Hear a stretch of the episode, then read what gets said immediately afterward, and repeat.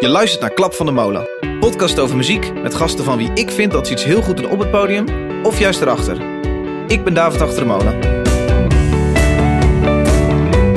Maar Bach zou het misschien zelf wel ook als een best-of hebben kunnen zien. Daarom weten we ook zoveel van Beethovens leven. Van Bach hebben we amper wat. Hey, eh, eh, John Eubank schreef De Bestemming van Marco Bassato. Ja. Als Bach een, een 8 is, waar staat John Eubank dan qua intelligent schrijven? Dit is gaaf. Hier hoor je een paukenglissando. Er gaat ongelooflijk veel subsidie naar klassieke muziek. Nou, valt wel mee. Maar wa- wa- waar wil je nou heen? Dames en heren, Bach met hoge messen. Deze aflevering van Klap van de Molen wordt gesponsord door Oor. Naar mijn mening het tofste muziekblad van Nederland. Voor 34 euro ben je een half jaar lid op het blad. Je krijgt in elke maand een nieuwe editie vol interviews, verdiepingen en recensies. Hiernaast ben je met je lidmaatschap ook direct lid van Club Oor. Hiermee mag je iedere maand gratis en voor niets naar tientallen shows door het hele land. Mocht je nu enthousiast zijn, kun je naar oor.nl om lid te worden. Hallo luisteraar, leuk dat jij luistert naar de Klap van de Molen podcast. Een nieuwe editie. Leuk dat jij me weer weten te vinden in je auto of op je fiets. Of eh, misschien loop je nu op straat of misschien ben je aan het stofzuigen. Of... Ik weet het allemaal niet. Leuk dat jij weer luistert. Ik zit vandaag in Tivoli Vredenburg in een foyer van de grote zaal. Wij ehm, kijken uit op de single die sinds kort weer langstroomt. Ehm, en ik ga vandaag een episode, een aflevering hebben over klassieke muziek. Ehm, ik heb geen flauw idee. Of tenminste, ik ben, ik ben echt een leek op het gebied van klassieke muziek. Ik weet niks. Weinig. Ehm, maar ik heb er wel veel mee te maken. Op mijn werk hier in Tivoli. eh, ik, ik zie regelmatig hele dure instrumenten voorbij komen. Ik zie eh, muzici. Nou, ja, ik, ik heb best wel veel mee te maken, maar ik snap gewoon echt heel veel dingen niet. Nou, toen heb ik het geluk gehad dat een half jaar geleden een collega van mij, een collega en vriend, mij eh, voor mijn verjaardag het boek gaf Alles begint bij Bach. Van de schrijver Marlijn Kerkhoff. En misschien raad je nu al een beetje. eh, eh, die schrijver zit hier naast mij. Hallo Marlijn. Hallo David. Je bent een jonge man, 31, en je bent gek op klassieke muziek. Betekent dat dan automatisch dat je een hele moeilijke studie hebt gedaan? Of zo? Nou ja, niet, niet zo heel moeilijk. Eh, het, het, het geldt een beetje als pretstudie. Ik heb muziekwetenschap gestudeerd. Muziekwetenschap, ja, als dus we als we wel... even beperken tot de dingen die ik heb afgemaakt. Muziekwetenschap en daarna nog een journalistieke master. Ehm, maar dat is eigenlijk een soort ja, literatuurwetenschap, eh, maar dan met muziek. Je, je bestudeert notenteksten en, eh, ja, het gaat, en daarin gaat het toch vooral over het klassieke repertoire. Ja. Dus jij weet veel meer van klassieke muziek dan ik. En daarom kun jij er misschien meer van genieten. Dat denk Zijn ik. we eigenlijk al klaar? Ja. ik hoop je het een beetje te kunnen helpen. Ik ben ontzettend benieuwd. Eh, in, je, in jouw boek neem je mij ontzettend goed mee in, eh, in de klassieke muziek. En eh, neem je me eigenlijk aan de hand mee de concertzaal in. En zeg jij, dit gebeurt er. En, en, en hier moet je op letten. En dit is een rare etikette. Vind ik eigenlijk niet nodig. Vind ik ontzettend... Ik vind dat je dat heel tof doet. Ehm, Dank je. Wat wij gaan doen in deze podcast is, jij gaat ons meenemen aan de hand. Ehm, eh, jij gaat ons door een paar stukken heen praten. We gaan vier stukken draaien. We beginnen uiteraard met Bach. Want ja, hè, alles begint met Bach. Ehm, en eh, eh, ja, ik, ik hoop eigenlijk aan het eind van deze podcast dat ik iets beter stap waarom muziek, klassieke muziek, mooi is. Waarom, het, waarom ik ervan kan genieten. Ehm, ik wil beginnen, maar ik wil je eerst vertellen, dit is een bijzondere podcast. Deze is namelijk niet zoals de andere. Deze is live voor publiek. Lekker. What do you do when you're no longer cool now? No longer the singer of the band. But your face is alright for the radio. Go fishing and drinking and listen to the show. This is the soundtrack for tequila. With the sun on your face and your pickup truck. Grab your moonshine and whiskey and fire up that grill. You're listening to Hit from the Windmill. This is a hit from the Windmill. Merlijn. Ja, ik moet nog even iets zeggen. D- dit is niet zomaar publiek, hè? want ik, heb, ik, maak, ik geef veel lezingen, maar ik maak nooit mee dat ik gewoon misschien wel e- tot een van de ouderen van het publiek en het behoor, zeg maar. Nou, dat is niet helemaal waar. Ik zie een meneer eh, toch zeker in de 40. Twee naast elkaar. Maar dit is echt, echt sensational. echt, Nee, het grote deel is, eh, is jonger. Ja, er is dus een microfoon. Dus we gaan zo meteen ook vragen of mensen iets aan jou willen vragen. Oh, Misschien willen ze wel op de foto met je of een hand. Heb, heb je daarmee te maken schrijver? Nou, ik ben- wel, ik heb een toertje gedaan in Indonesië. Want toen werd ik uitgenodigd door de, door de ambassade om daar een eh, lezing te geven of een serie. Eh, er kwamen ook muzici mee en dan ging ik zeg maar vertellen over muziek en die muzici gingen dan spelen. En daar, ik, ik wist niet wat ik meemaakte. Gewoon uren na afloop gewoon rijden met mensen die een selfie met mij willen maken. Merlijn Kerkhoff Utrecht. Ja, alsof ik, alsof ik van John Coffee was. Het is echt... Ik weet wel één ding. Ik vind de podcast met publiek wel altijd helemaal kut om te luisteren. Het is een soort van intimiteit die je kwijtraakt. Dat je denkt, hè, ik moet nu die gasten ook nog delen met publiek dat daar is of zo. Ja. En die zie ik niet. En je moet straks natuurlijk een soort lachband ondertapen alsof je friends Ik dit nog heel veel editen. Dit- Ja.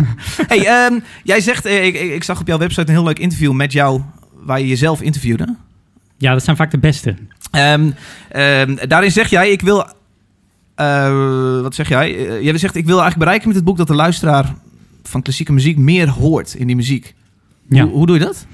Ehm, ja, dus echt mee te nemen. En het, het, daarvoor is een boek natuurlijk eigenlijk een heel gek idee, want het is heel erg afstandelijk.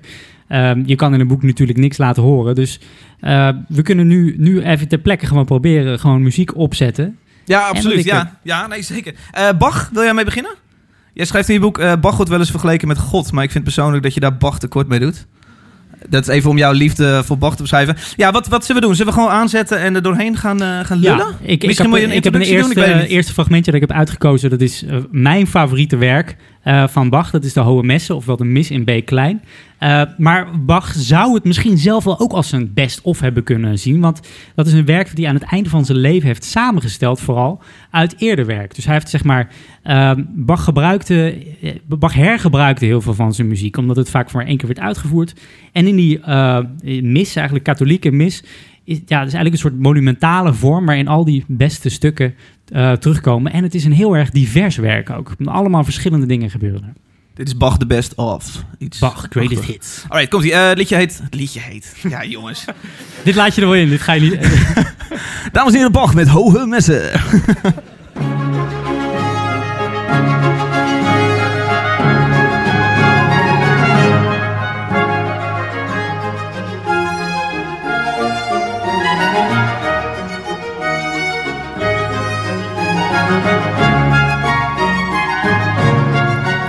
Gloria.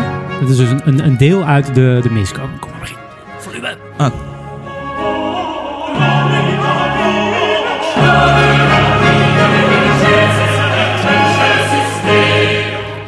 Ja, en de, je, ho- je hoort hier eh pauken, trompetten. Het is eigenlijk de meest feestelijke muziek die eh, Bach heeft eh, gemaakt.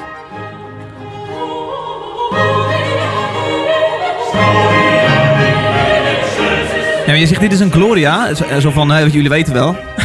Ja, nee, Ik heb geen flauw idee. Is een Gloria een standaard derde stuk in een, in een stuk?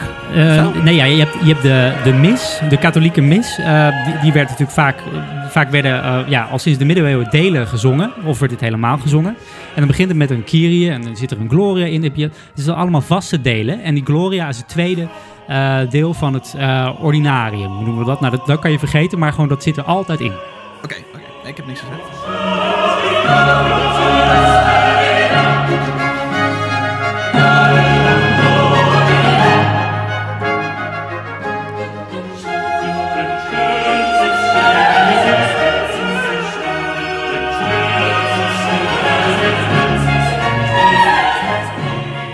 Wat, die, wat, die, ehm, wat eigenlijk in die, eh, wat die messe heel erg kenmerkt, is dat, je, dat er heel veel, eh, hij is heel divers, dus het, het gaat van het ene naar het andere, totaal andere ehm, dingen zitten in. Er zit heel veel polyfonie in, dat is eh meerstemmigheid.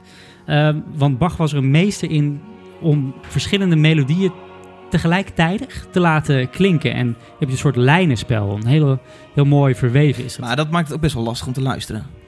Dat, ik, daardoor- ik volg, ik volg het daardoor echt een stuk minder. Ja. En ik zat op de auto hierheen te denken. De auto hierheen, maar ik reed vanmiddag in de auto ergens. Maar niet uit. eh zat ik te denken, waarom doet de Moonlight Sonata het zo goed bij mij? En bij, volgens mij bij heel veel mensen. En waarom dit zoveel minder, is omdat het gewoon een super simpele pianomelodie is. Ja, nou ja, En dit is zo, er gebeurt zoveel dat je, mij- ja, mij ben je op een gegeven moment kwijt. Eh, Ook in die, ook in die eh, hohe messen zitten er dus eigenlijk solo-delen, aria's. Dat zijn dus, ja, dan heb je gewoon één melodie eh, die, die Eén centraal zanglijn. staat. Eén zanglijn, inderdaad. Eh, en ehm, dat is natuurlijk veel makkelijker. En hier moet je veel meer voor gaan zitten. Maar als jij bijvoorbeeld, als, je, als jij gewoon motiefjes herkent, weet je wel, dan, dan gaat het alleen maar groeien. Maar is het dat, eh, als het drinken van, een, van bier of zo? Dus dat, dat, dat, dat- heel veel bier is veel te zwaar en veel te heftig voor een beginnende drinker. Dus begin maar even lekker met pils. En dan gaan we het langzaam wel opbouwen via een IPA ergens een keer naar een hele moeilijke Of, of doe ik nu veel te moeilijk? Is, is, is, is dit een beetje hoe ik het moet zien? Dat, eh, dat zou je zo kunnen zien. Oké. dit, is, dit is echt... Dit is, de Hohe Messe is... eh, hoe noemen ze dat? eh, hele exclusieve Belgische uh, trappisten bier ook alweer. wat niemand krijgt in de winkel. Westvleter inderdaad. Dank publiek. Heel blij dat het publiek bij zit. Maar misschien kun je dat, dat tweede stukje van dat nog, eventjes... Ja, zeg even op welk gedeelte die begint. Dat et in terra pax. 1 minuut 40. Ik heb het erbij staan. Eh, dat moet dit zijn. Dan gaan we naar het einde. Nu komt er een overgang. Et in terra pax. Dat is dan een andere zin uit dat Gloria-deel. En ho- hoor hoe lieflijk.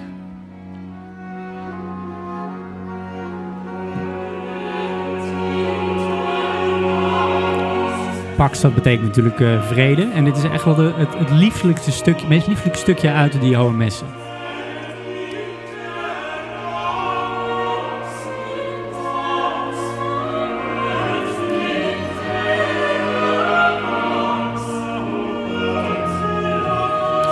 Twee zanglijnen? Ja, meerdere. En Oh. eh, je krijgt, eh, vijf is het geloof ik? Hm. Eh, je krijgt straks in, in iets, iets heel bijzonders, want, of nou ja, bijzonders, een, een, een, een vorm die Bach vaak gebruikte. Dat heet een fuga.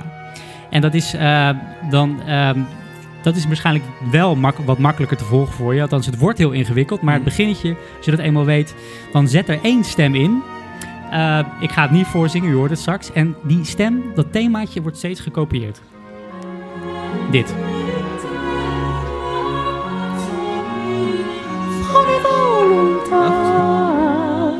Dit wist ik dus niet. Maar goed. En dan? Op een andere toonhoogte wordt dat melodietje overgenomen. Of themaatje moet ik eigenlijk zeggen. En dat gebeurt zo nog een paar keer. Kijk.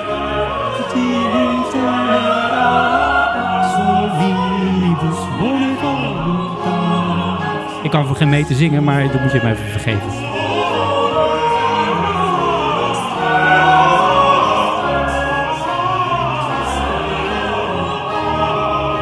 Je hoort een heel mooi vlechtwerk van, van stemmen uiteindelijk. En dat is goddelijk gewoon. Ik kan hier gewoon, ja, dit is... Ik zal niet de orgasme-metafoor gebruiken, zo uitgekoud, maar Eh, hoe vaak heb je dit stuk gehoord? eh, heel veel. Want ik heb het ook, eh, ik zeg wel dat ik niet kan zingen, dat is ook zo. Maar ik heb het wel ook in koortjes eh, mogen zingen. En dat- is eigenlijk, dat eigenlijk wel- veel te moeilijk ook. Het is heel erg moeilijk. eh, ik, kon mensen wel zeggen, ja, dit, dit ken ik van, eh, van vroeger. En daarom wekt het een soort, soort emotie op. Ja. Ehm, is dat ook niet de key? Iets heel vaak horen? Elk jaar weer naar de Passion gaan? Ja, ehm, Passion? Matthäus Passion? Soms wekt het natuurlijk ook weer, roept het, wekt het natuurlijk ook weer weerstand op. Ja, inderdaad, voor, eh, voor evangelicals eh, tegenwoordig eh, die een beetje hip willen doen, is het de Passion. En voor heel veel, de meeste mensen in Nederland, de Matthäus-persoon van Bach, inderdaad, zijn, zijn allerbekendste stuk, waarschijnlijk zijn langste werk, dat, dat steeds in, op Goede Vrijdag, de Lijdenstijd, eh, wordt gespeeld. Wat was je vraag ook alweer, David? Nou, eh, helpt het dat, dat je daar vaker heen gaat? En dat je dan op een gegeven moment denkt dat je het zo vaak gehoord hebt... dat je al dat, hele vlechtwerk begint te snappen, begint te begrijpen? Ja. Eh, Nee, bedoel, je, je, ehm, je gaat steeds meer horen en met zo'n hoge messen ben je nooit klaar, want er gebeurt zoveel tegelijkertijd. En daarom is eh, ja, een, eh, gewoon zo'n zo'n zo'n iets eenstemmigs, dan ben je gewoon, hè, is het klaar, is het klaar. Maar hier zitten zoveel laagjes. Je kan terug blijven gaan en het, het puzzeltje gewoon in je hoofd maken van, oh, dan gebeurt dit en dan gebeurt dat en dat sluit op elkaar aan en dit gebeurt daarom. Eh, want die lijntjes haken ook allemaal op elkaar in. Ja. Het is echt een, eh, ja, er waren allemaal soort regeltjes in die tijd ook waar Bach zich dan ook aan, eh, aan hield. En het was eigenlijk een soort su- sudoku voor Bach, dit maken. Ja. Het was ook, eh, ik vind het heel mooi, maar het is, het is ook heel erg hoofd. Ik denk dat het is zo. Hey, John Eubank schreef De Bestemming van Marco Bassato. ja. Oké. Als Bach een, een 8 is, waar staat John Eubank dan qua intelligent schrijven? Nou, kijk, ken je dat? eh, je, ken, ja, je kent waarschijnlijk het Koningslied wel. Ik weet niet of jij toevallig ook hebt Nou, we het eh, Koningslied even, laten we de bestemming nemen. Het Ik- Koningslied ik- is heel veel hoe- mis. Hoe, eh, eh, hoe gaat de bestemming ook alweer? ehm, Is dat, eh, hoe vertel je iemand dat de aarde niet meer rond is en ja, eh, dat de zon niet langer schijnt? Ja. En, eh, Ja. ja. ik kan het niet zo goed voor de geest houden, halen. Maar ik geef het toch een vijf. Maar eh, is, is- even, je, je snapt de vraag. Wat, wat, wat is, de, is, is er zo'n verschil in intelligent schrijven? Nou ja, je hebt, je- kijk, intelligent schrijven, ik bedoel, wat John Eubank doet, is heel goed. Want eh, zijn doel is natuurlijk om zoveel mogelijk mensen aan te spreken. En een melodie eh, maken die mensen in het hart raakt. Dus hij is heel goed in zijn vak. Het is alleen niet, niet per se voor mij weggelegd. Nee. Ehm, ja, en net als met, met, met, met die, eh, eh, je weet wel, die, eh die hiphoppers, rond, Lil, Lil Kleine en zo. die, die gasten die daar omheen zitten. En Jack, Jack. Jack Chirac, ja sorry, Lil Kleine. Hoe Ja. moet ik het uitspreken? Jacques Chirac, doe even normaal, man. Jack Chirac. Lil Klein. Nee, nee. nee ik, joh, ik weet het ook niet. Nou ja, nergens. anyway, ze weten gewoon heel erg door, door ook streaming en gewoon waar klikken mensen Ja. weg, wat werkt. Ze weten zo goed, feilloos wat werkt, dat het gewoon voor hen... Ik, ik zei, Bach's Hohe Messe is voor hem een soort sudoku geweest. Hij heeft zichzelf heel veel eh, regeltjes opgelegd en daarna gehandeld en zo. Maar, maar voor die mensen is het ook een soort puzzeltje, eh, dingen in elkaar zetten. En dat is misschien niet erg kunstzinnig, maar het is wel... Het is wel ook een soort knap dat je gewoon weet van, nou, dit werkt en dit ga ik dan doen en zo zet ik het in elkaar. Dus ik heb er in die zin wel bewondering voor, maar ik zet het liefst zo snel mogelijk uit natuurlijk. Nee. Kutmuziek. Monteverdi is het, eh, tweede... Monteverdi is het tweede stuk waarmee je aan kan zetten. Eh, eh, de Lamento de Ariana. Wil je eerst een stukje luisteren of zeg jij, ik wil eerst hier iets Nou over ja, ik dacht van, kijk, je vraag krijg je natuurlijk de vraag van, en ik dacht van, nou, dat gaat David natuurlijk ook stellen van, ja, als je nou naar een onbewoond eiland hebt, wat neem je dan mee? Maar deze muziek gaat over op een onbewoond eiland zijn. Of nou ja, onbewoond. Naxos. Eh, het gaat over Ariana of Ariadne. Eh, ik weet niet wie. eh, ik heb, sorry, ik heb geen gymnasium gedaan. Dus ik ben maar een eenvoudige ateneum jongen. Maar Ariadne die zit daar. Die is verlaten door Theseus. Ze zit daar op een eiland, Naxos. En ze voelt zich een beetje bekocht. Want die, want die The- Theseus of Theseo is er vandoor.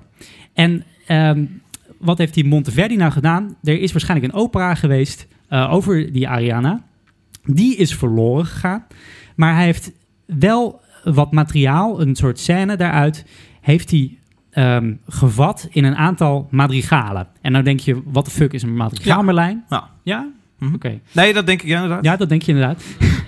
madrigaal was een soort... ehm, in de, in, in, tijdens de renaissance hadden je allemaal van die Italiaanse dichters, natuurlijk Petrarca en zo. En allemaal componisten, die zetten die eh, gedichten op muziek... en die probeerden dat zo expressief mogelijk te verklanken. Dus gebeurde er iets vervelends in de, in de tekst... dan zijn de samenklanken ook erg vervelend.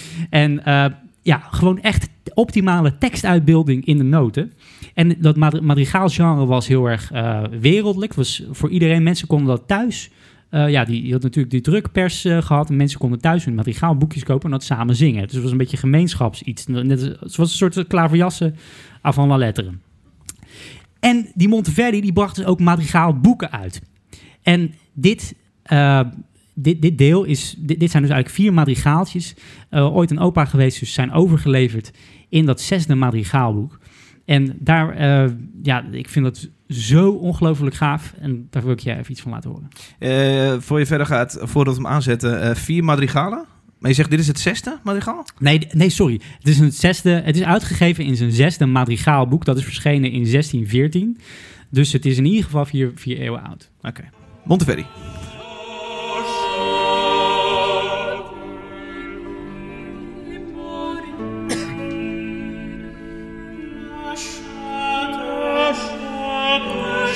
Lasciatemi morire, dus laat me doodgaan.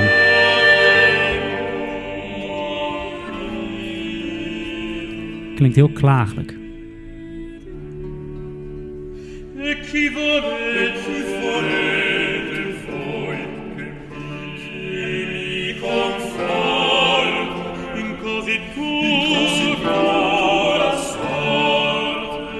Wederom de, de meerstemmige zang. Ja.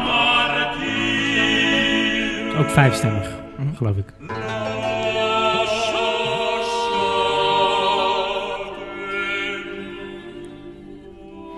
Wat zo mooi is, is dat in het, eh, wat, wat er dan nog verderop komt. ehm, eigenlijk is het dus gewoon een soort. Best wel statisch, dus niet, niet echt handeling of zo. Ze, ze beklaagt zich om eh, d- dat die Thesio weg is. Die Zeikwijf, denk je af en toe. Maar het gaat de, alle schakeringen van de menselijke emoties komen voorbij. Het is een soort, eh, ik zou bijna willen zeggen, een emotionele rollercoaster. Oké.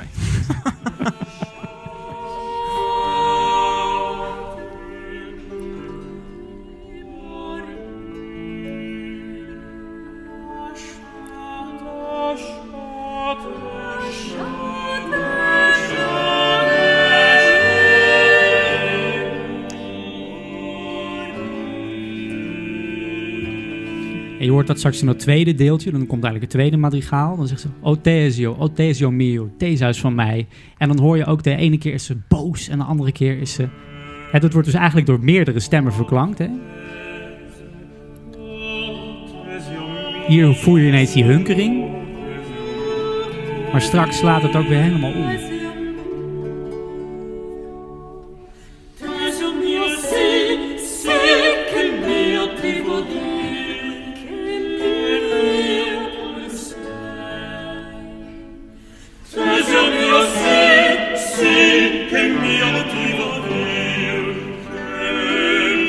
Je ervan? Nou ja, je zegt, ik, ik, ik, ik- het gevoel van hunkering hoor je nu. Ik hoor het niet.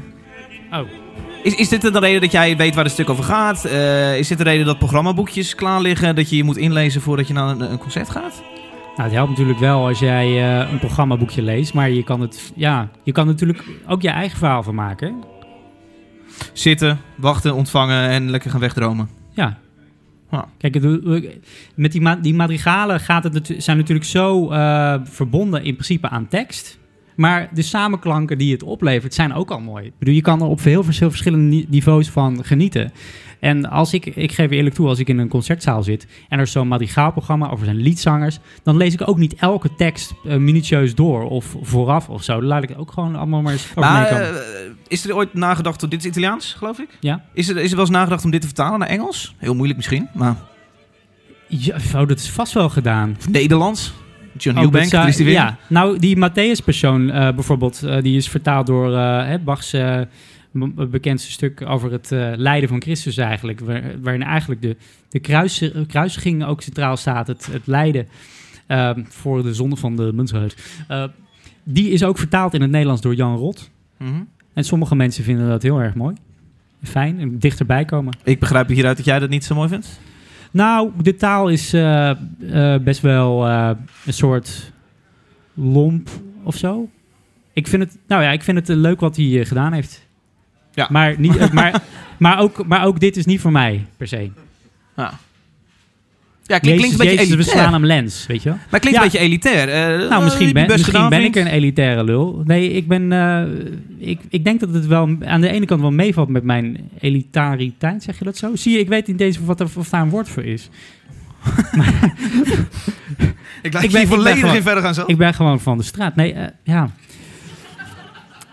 Ik nee, nee, het, red me daar. het is een interessant punt. Ehm, is klassiek iets meer voor de elite? Nou, ik... Die eigenlijk niet genoeg wel. geld heeft voor een heel duur kaartje? Eh, want, want kijk, klassieke muziek, wat je ook luistert, kost meer tijd. Ehm, het is vaak langer. Eh, mensen moeten ook stil blijven zitten in principe. Dat hoeft natuurlijk niet. Je, van- je kan er van mij betreft, betreft doorheen kwekken. Maar wordt het voor jezelf niet leuker op. En voor de mensen naast je ook niet. Ehm, en de een, ook meteen een antwoord op waarom zitten er zoveel eh, grijze mensen in de zaal over het algemeen bij klassieke concerten. Ja, die, die hebben wel tijd. Die, die hoeven niet hun kinderen naar bed te brengen en, eh, of eh, nog studiepunten te halen of zo. Het is iets wat, wat, wat, wat moet groeien en groeien. En, en jij moet jezelf die tijd ervoor gunnen. Ja, en en ik, ik denk dat het ook bij jou heel erg loont. Ik denk dat je het wel eens leuk zou kunnen gaan vinden. Het loont om het zo vaak te luisteren, je zo hard in te verdiepen, dat je het uiteindelijk dus mooi gaat vinden en je leven lang gaat genieten van een stuk. Maar vind jij die, eh, die, die, dit madrigaal, vind je dat dan ook al niet al mooi klinken? Denk je niet van, oh, dat is echt wel mooi gezongen? Ehm, nou ja, laten we even kijken hoe die begint. Want Ik, eh, ook deze heb ik vanmiddag in de auto even opgezet. Vind ik niet mooi. Nou, het, is, eh, het, het is net geen dissonant, maar het zit er tegenaan. Nee, het is wel. Kijk, het is, het is, het is, het is echt... eh laat Nee, het maar goed, het, het hoeft natuurlijk niet altijd in één keer feel good mooi te zijn. Nee. Maar nee, het, het, pakt ook niet direct. Oké, nou misschien moeten we dan iets anders proberen. Nee, maar het mooie is, kijk, we hebben hier, we hebben hier eh, over... Kijk, dit, dit is dan vier eeuwen oud. En, eh, en, die, en die Bach is bijna drie eeuwen oud. Het is... eh, we hebben zo gruwelijk veel. En eh, er, zit, er zit voor iedereen zoveel bij. Dat ik ook had bedacht van, ja... eh, ik, ik zou voor iedereen, eh, zeg maar, de vijf bands waar je, naar, waar je naar luistert. En dan maak ik een persoonlijke, lij, persoonlijke lijst voor jou of zo. Heb je onder andere gedaan bij elk hoofdstuk van jouw boek zit een Spotify playlist waar wij meegenomen worden in dat hoofdstuk en daadwerkelijk ook de muziek erbij die we moeten luisteren. Ehm, eh, ik heb een heel moeilijk hoofdstuk op mijn notitieblokje staan. En dat is subsidie. Ja. Er gaat ongelooflijk veel subsidie naar klassieke muziek. Nou, valt wel mee. Want eh, die, die orkesten die, die moeten allemaal beknibbelen hoor. Al die, al die jij, eh, straks speelt het Radio Philharmonisch. Nou, die kunnen, die kunnen zich nog wel enigszins onderhouden. Maar er zijn andere orkesten in Nederland waar, waar het echt vechten tegen de bierkaai is. En, en mensen die, ja, die investeren zoveel tijd in. Nee, maar prima. Maar als ik een kaartje koop, dan zit er subsidie op dat kaartje. Ja. Er zit waarschijnlijk subsidie op de concertzaal waarin ik eh, Ja. het stuk bezoek. Veel orkesten zullen ook nog gesubsidieerd worden. Er, Ja. gaat, veel, er gaat veel geld Zeker, zeker. van de belastingbetaler naar Zeker. Ik zeg niet dat het, eh, dat het niets is, maar kijk op... eh, Waar- waarom is dat? Waarom kunnen we niet een aantal stukken in een hele mooie uitvoering opnemen op een plaat? Die leggen we in een archief in, eh, in Hilversum. ja, En eh, vervolgens kunnen we die er altijd bij pakken. En we gaan zo'n 50 concerten per jaar organiseren. Eh, en die zalen zullen vol zitten. Nou, kan ook, maar die, ook die, de meeste gesubsidieerde dingen zitten ook vol, want er is nog steeds wel heel veel animo. Want het is, eh, ja, er is een zo- hangt een soort, eh, so- soms iets over bij klassieke muziek van, oh, het gaat slecht, ver- eh, vergrijzing. En dat, ja, er is inderdaad, er, het, het publiek vergrijst wel enigszins, maar de zaalbezetting is nog steeds best wel goed. En ja, de, de- zo, zo slecht als men soms denkt dat het gaat, gaat het, gaat het niet. En als je het hebt over subsidie, dat is inderdaad een heikel punt. En we moeten, we, ik vind echt dat we dat altijd moeten blijven verdedigen en onszelf moeten blijven verantwoorden. Maar ja, op de defensiebegroting is het, eh, het, het is een paar kilometer snelweg, hè? Waar we het over hebben. Maar dat is natuurlijk niet, dat, daar heb ik natuurlijk niet zoveel bericht aan. Eh, Heb jij geen boodschap aan? nou ja, kijk, kijk, kijk. eh, er kan weer niet zo heel veel als de staat, de band, de staat, een miljoen subsidie krijgt. Dan is het Wat opeens... vind, je, wat vind je daarvan? Nou ja, nee, dat is eh, al genoeg over te zeggen, vind ik. Alleen als ik dan ga kijken wat een eh, ja, nou, je, je- druppel op de gloeiende ko- kookplaat is van, van, van de klassieke wereld, wat een subsidie erheen gaat. Eh, dan denk ik dat we even misschien na mogen denken over klassiek. Maar wa- wa- waar wil je nou heen? Dat we, dat we het minder moeten doen, zoals jij eigenlijk suggereerde? Eh, dat, ik, ja, ik ben Lekker benieuwd naar, jou, naar jouw mening hierover. Nou ja, kijk, de meeste mensen vinden natuurlijk naar een concert gaan toch wel een totaal andere ervaring dan een plaat opzetten en, en luisteren. Want je ziet ook natuurlijk wat er gebeurt. Mhm. Ehm, dan luister je sowieso anders. Als, je een, eh, dan, ja. als ik die, die- Bach eh, of, of dat Monteverdi stukje, als jij eh, zangers ziet inzetten, dan ben je ook wel veel gespitster van, oh, de, hier gaat, en ja, dan leeft dat nog veel meer. En dan zal je daarna zo'n plaat natuurlijk ook weer anders luisteren. Dus Mhm. het, hangt, het hangt ook wel samen, het werkt samen. De meeste mensen vinden zo'n livebeleving echt wel eh, heel anders, toch? Bartok eh, is jouw derde stuk. Music for Strings. En dan nog twee eh, onderdelen. Iets 20e, 20e eeuws. Ja. Ehm, Iets leek- spannends. Ja, iets, niet, niet alleen iets spannends, maar het is ook atonaal. Sommigen van jullie zullen eh, enigszins een idee hebben wat het woord atonaal inhoudt. Dat heeft toch wel een negatieve connotatie. Maar dat betekent dus eigenlijk dat, er, dat je muziek hebt waarin waar niet bijvoorbeeld een, een, een liedje begint in C en het eindigt in C. Hè. Er is geen toonsoort. Eh, er is geen vaste grond onder je voeten. En nou ja, ik denk misschien moeten we maar gewoon... Ja, prima. Ja. Kondig jij het nog even zo lekker aan? Hij begint heel spannend. Xylofoontje.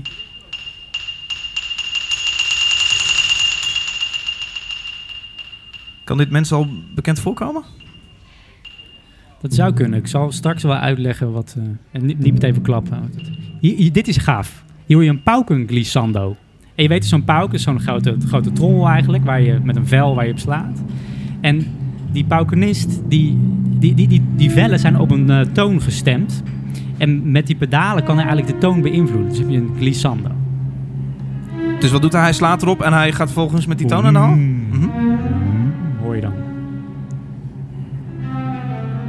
Dit klinkt natuurlijk al heel erg onbestemd.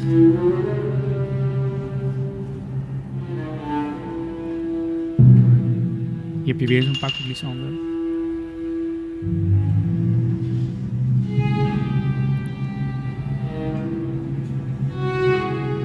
Het wordt steeds dreigender.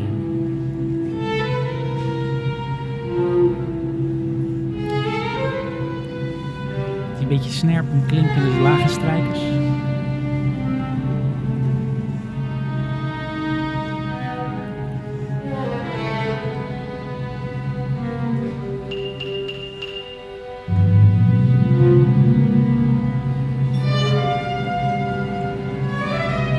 En straks komt er een stukje muziek. Dat de meeste van jullie misschien wel eens zouden kunnen herkennen. Want ook atonale muziek zit soms in ons geheugen, collectieve geheugen verankerd.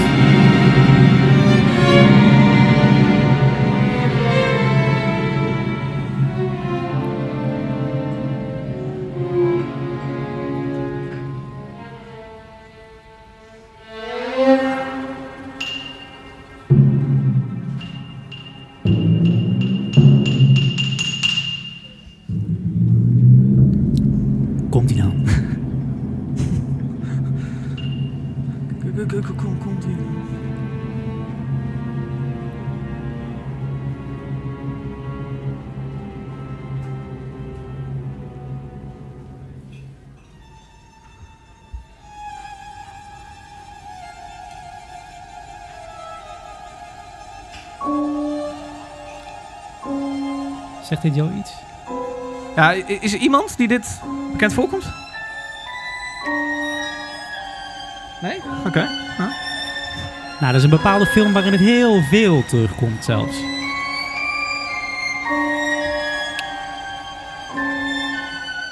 Ja? Publiek, weet het? Hateful Eight. Lekker, ga door zo, misschien. Oké. The Godfather wordt hier geroepen. Nee, nee. Ga alsjeblieft door, is heerlijk. Ga, mm. Sorry? Nee. Bijna goed. 2001 Space Odyssey, dat is het niet. Dat is een film waar natuurlijk heel veel klassieke muziek in zit. Want die film was van Stanley Kubrick. En dat was een cineast die ontzettend weg was van eh, klassieke muziek, moderne klassieke muziek. En de- dit stukje eh, zit ook in een film van Kubrick. Namelijk The Shining. Hè? Van, Ah, ja. Ja. Hij had hem echt al, een soort ijzingwekkende klanken. Maar, publiek eh, wordt niet meer stil. maar dit, dit, is, dit is te gek onder een film. Dit, ik voel dit volledig bij een horror. Maar is, is dit los? Is het leuk als concert om te bezoeken? Ja, heel gaaf. Dit is een fantastisch, fantastisch stuk. Ook omdat, eh, lo- los van dit, hè, je hebt dan dit langzame deel. Maar er staan natuurlijk te- dingen tegenover. Bartok was ook, eh, verwerkt ook veel volksmuziek in zijn, in zijn, ehm, in zijn we- werk. Er hoor je een soort boertige Roemeense dansritmes ineens. Ja, er gebeurt zo ontzettend veel. En het is zo leuk ook om naar te kijken. Dit is echt een stuk dat eh, muziek voor snaren, slagwerk en celesta. Celesta is dat klingel, klangel, toetsinstrument. Ja, dat moet gewoon veel vaker op de les. Nou, leuk om naar te kijken. Leuk om naar te kijken en te luisteren. Hoe, ik vind hoezo? het Wat mooi. gebeurt er op het podium? Waarom het leuk is om naar te kijken? Nou, omdat de, de opstelling is al best wel apart. En je ziet dat eh, strijkers ook steeds eh, diviseren, noemen ze dat. En dus je, hij, Bartok deelt dat orkest weer een soort heel apart op. En eh, ja, gewoon de, die, die celesta, die xylofoon. Aan slagwerk staat er al van alles. Maar een opstelling is dan de violen zit een keer links. Ja, oeh. Is, is dat dan wat, wat, wat Nou het ja, spektakel is- voor de ogen is? Nou, eh, nee, maar goed, je, je kan als je dit, eh, wat, wat, ik wil, wat ik wil zeggen van wat de voordelen van zo'n live eh, uitvoering is, dat je natuurlijk ook veel makkelijker kan zien wat er, wat er gebeurt in die muziek. Mhm. Oké. Vet lachen. Ja, ik ga nog een keer proberen. Zijn er vragen tot nu toe? Ja? Er komt een microfoon naar je toe, zodat ook de luisteraar jouw vraag meekrijgt. Nou, ik was benieuwd, omdat, er, eh, omdat je net, net noemde je The Shining. En is natuurlijk nu, eh, wordt heel vaak ook eh, muziek uit bijvoorbeeld Game of Thrones, wordt ook uitgevoerd voor, voor publiek. Ik vroeg me een beetje af, wat zijn eigenlijk de overeenkomsten met dat type soort van film- of seriemuziek en de echte oude klassieken? Want voor, voor mij klinkt het best wel een beetje hetzelfde, ook met veel violen, strijkers Ja. en zo. Nou, het is natuurlijk zo dat heel veel echt die, van die filmcomponisten, gewoon de broodschrijvers in Hollywood, die, die jatten heel erg veel. Ze weten wat werkt.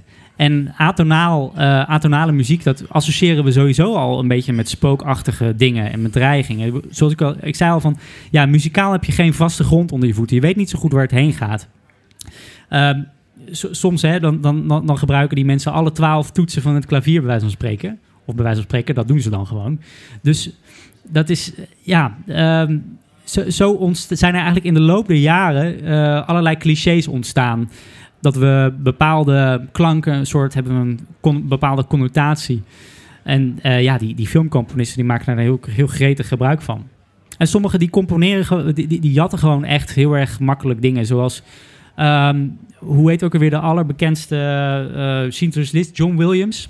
Star Wars en zo.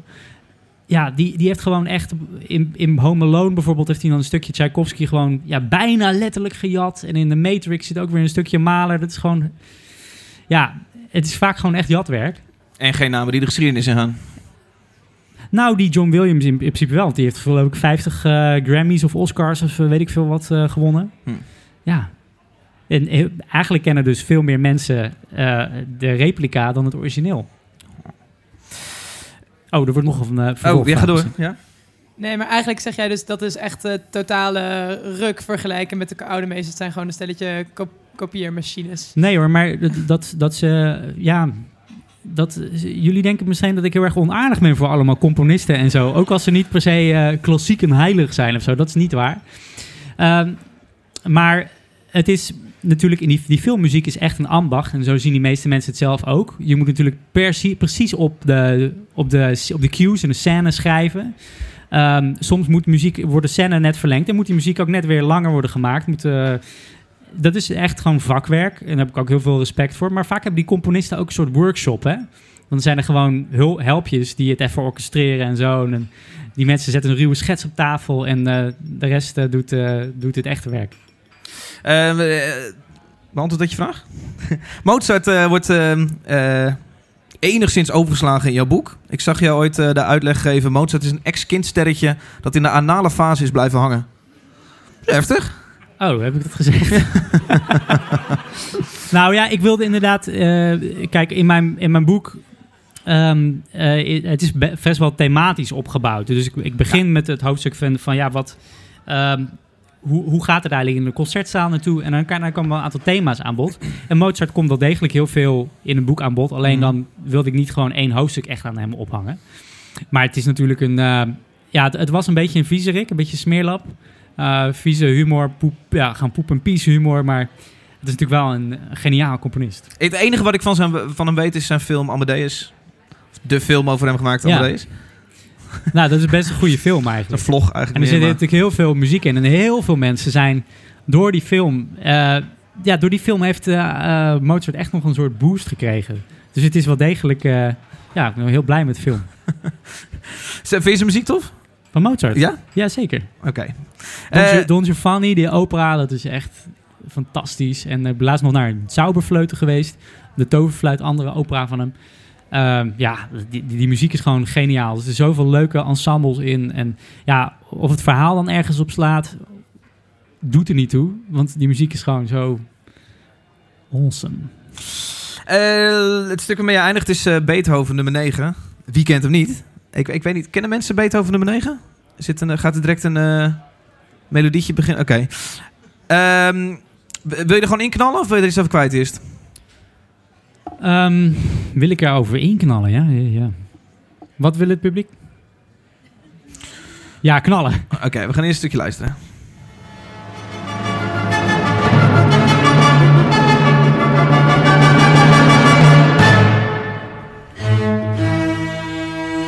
Nou, het is echt knallen wat Beethoven doet. Want het is meteen bam, bam, bam. En het is een soort... eh, het parcours wat eh, dat Beethoven vaak aflegt... is een soort van een soort totale chaos... naar een soort victorie. Een soort zegen. Dit is een daadwerkelijk ingrediënt Beethoven dat Ja. hij vaak dat hoor je natuurlijk in zijn Eroica-symfonie. Ook in zijn vijfde symfonie. Pa, pa, pa, pa, pa, pa, pa, pa. Dus die onrust. En daarna is het al eenmaal jubel. Ta, ta, ta, ta, ta, ta, ta, ta. Gewoon lekker. Het wordt bijna plat als jij hem zo voordoet. Ja, sorry.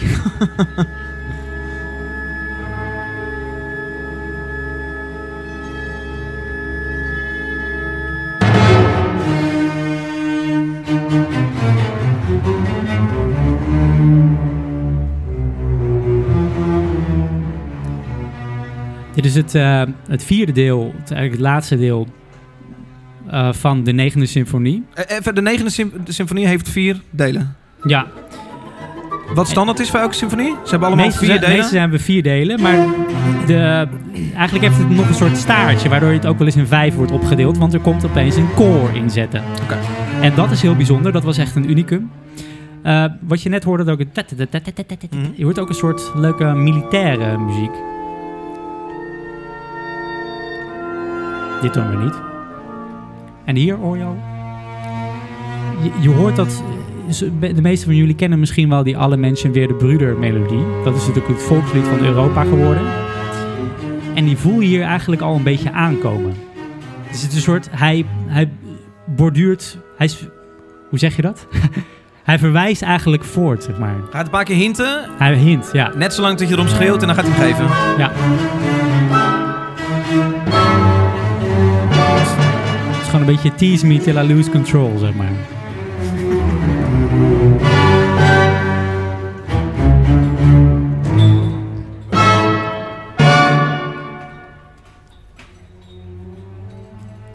Nou, en dan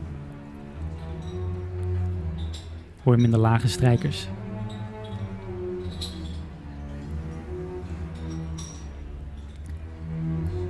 Heel zachtjes. Is dit ons Europese volkslied? Ja.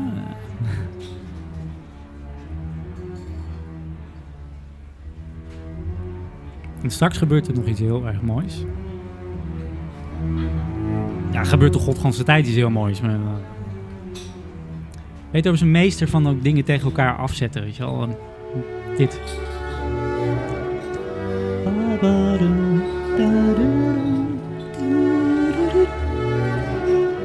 Je hoort in de fagot, dus een soort tegenmelodie.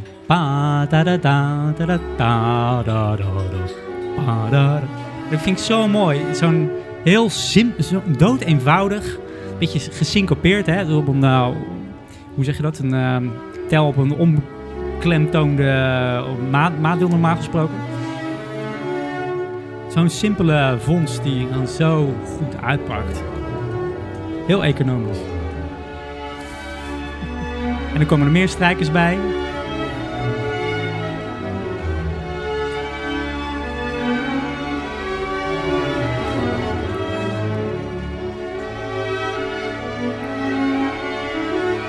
Je moet een beetje wat duikelen af en toe van die uh, violen.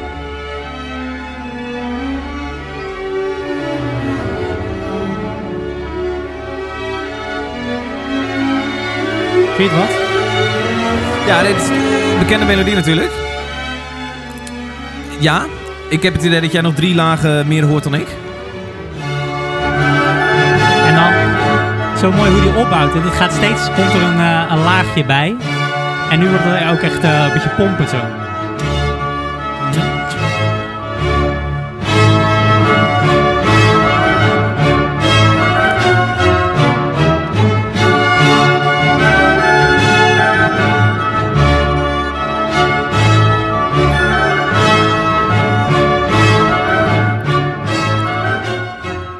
En uiteindelijk uh, komt er dan een, uh, een bariton en die zegt... Oh, vrienden, niet deze teunen. En dan blijkt het opeens... Ja, blijkt er gewoon een stem te zijn geschreven in een symfonie. Wat voor die, voor die mensen daar in... Uh, hoeveel? 1823 geloof ik? 24?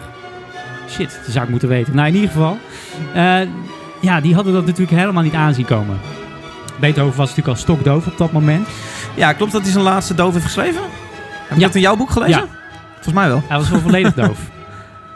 Uh, hoe is dat? Hoe, kan- hoe kan dat? Uh, ja, hoe kan dat? Dat is natuurlijk heel erg uh, bi- bijzonder. En kijk, die, die, uh, hij is natuurlijk, heeft een ontzettend goede training gehad, goede opleiding. Hij wist ontzettend goed wat hij deed. Als hij een partituur las of iets opschreef, noten opschreef, dan hoorde hij dat ook meteen in zijn hoofd. En ja, dat is natuurlijk een soort een, een skill die hij zich al vroeg heeft aangeleerd. Maar dat betekent niet dat hij zich niet ontzettend gefrustreerd heeft gevoeld. Hij, hij moest natuurlijk converseren op een gegeven moment met mensen met een soort uh, schriftjes. Dan had hij een soort conversatieschriftje. Mm-hmm. Daarom weten we ook zoveel van Beethovens leven. Of nou, mede daarom. Want we hebben gewoon heel veel primaire bronnen. Van Bach hebben we amper wat. Maar van Beethoven hebben we best wel stapels. En uh, ja, uh, toch dachten ook veel mensen in zijn tijd van ja, die, uh, die man is doof, die weet het allemaal niet meer zo goed. Het, zijn muziek in zijn late periode werd, was zo baanbrekend. Hij uh, ging gooien alle regeltjes omver. en dan uh, weten tegenstanders dat natuurlijk ook vaak aan zijn doofheid. Van ja, die, die gast hoort het toch niet. Hmm. um, dankjewel dat jij hier wilde zitten en een heel klein beetje uitleg wilde geven bij vier stukken. Eh, jouw boek, als mensen, als luisteraars hem willen kopen, waar, eh, waar kunnen ze hem vinden? In de boekhandel zeker? In de boekhandel, op de betere, in de betere boekhandel. En eh, zelfs op die ene site. Hij is 18,99 euro. En ja, ik heb laten vertellen dat het een supergoed cadeau is voor Sinterklaas, kerst, dat weet ik veel wat, die shit. Dankjewel. Ehm, eh, dankjewel voor jouw eh, kennis hier en ons mee te nemen als, als leken. Om een heel klein beetje Graag te kunnen leren genieten van klassieke muziek. Volgende week is er een nieuwe Klap van de Molen podcast. Dan zit ik met Roosmarijn Rijmer. Zij gaat daar allerlaatste week van 3FM in. En we zijn natuurlijk heel benieuwd waarom ze daar in vrees aan weggaat. Of wat ze gaat doen. En wat je überhaupt als DJ bij 3FM doet. Want wat doe je? Ik begrijp namelijk dat je niet eens je eigen muziek mag kiezen. Ja, vet kut. ik zie jou eh, graag volgende week weer. Dankjewel Marlijn. Dank je.